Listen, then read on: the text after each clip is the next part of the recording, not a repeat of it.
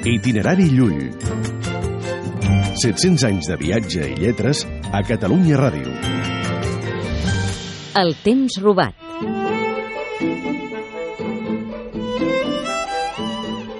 Ramon Llull trobava que el pitjor robatori era el d'aquelles coses intangibles, que no es podien tornar, com ara el temps o el prestigi. Si mala cosa és, fill, robar diners o draps o altres coses semblants a aquestes, les quals pot hom tornar, doncs molt pitjor és robar temps i fama i les altres coses semblants a aquestes, les quals hom no pot satisfer ni tornar.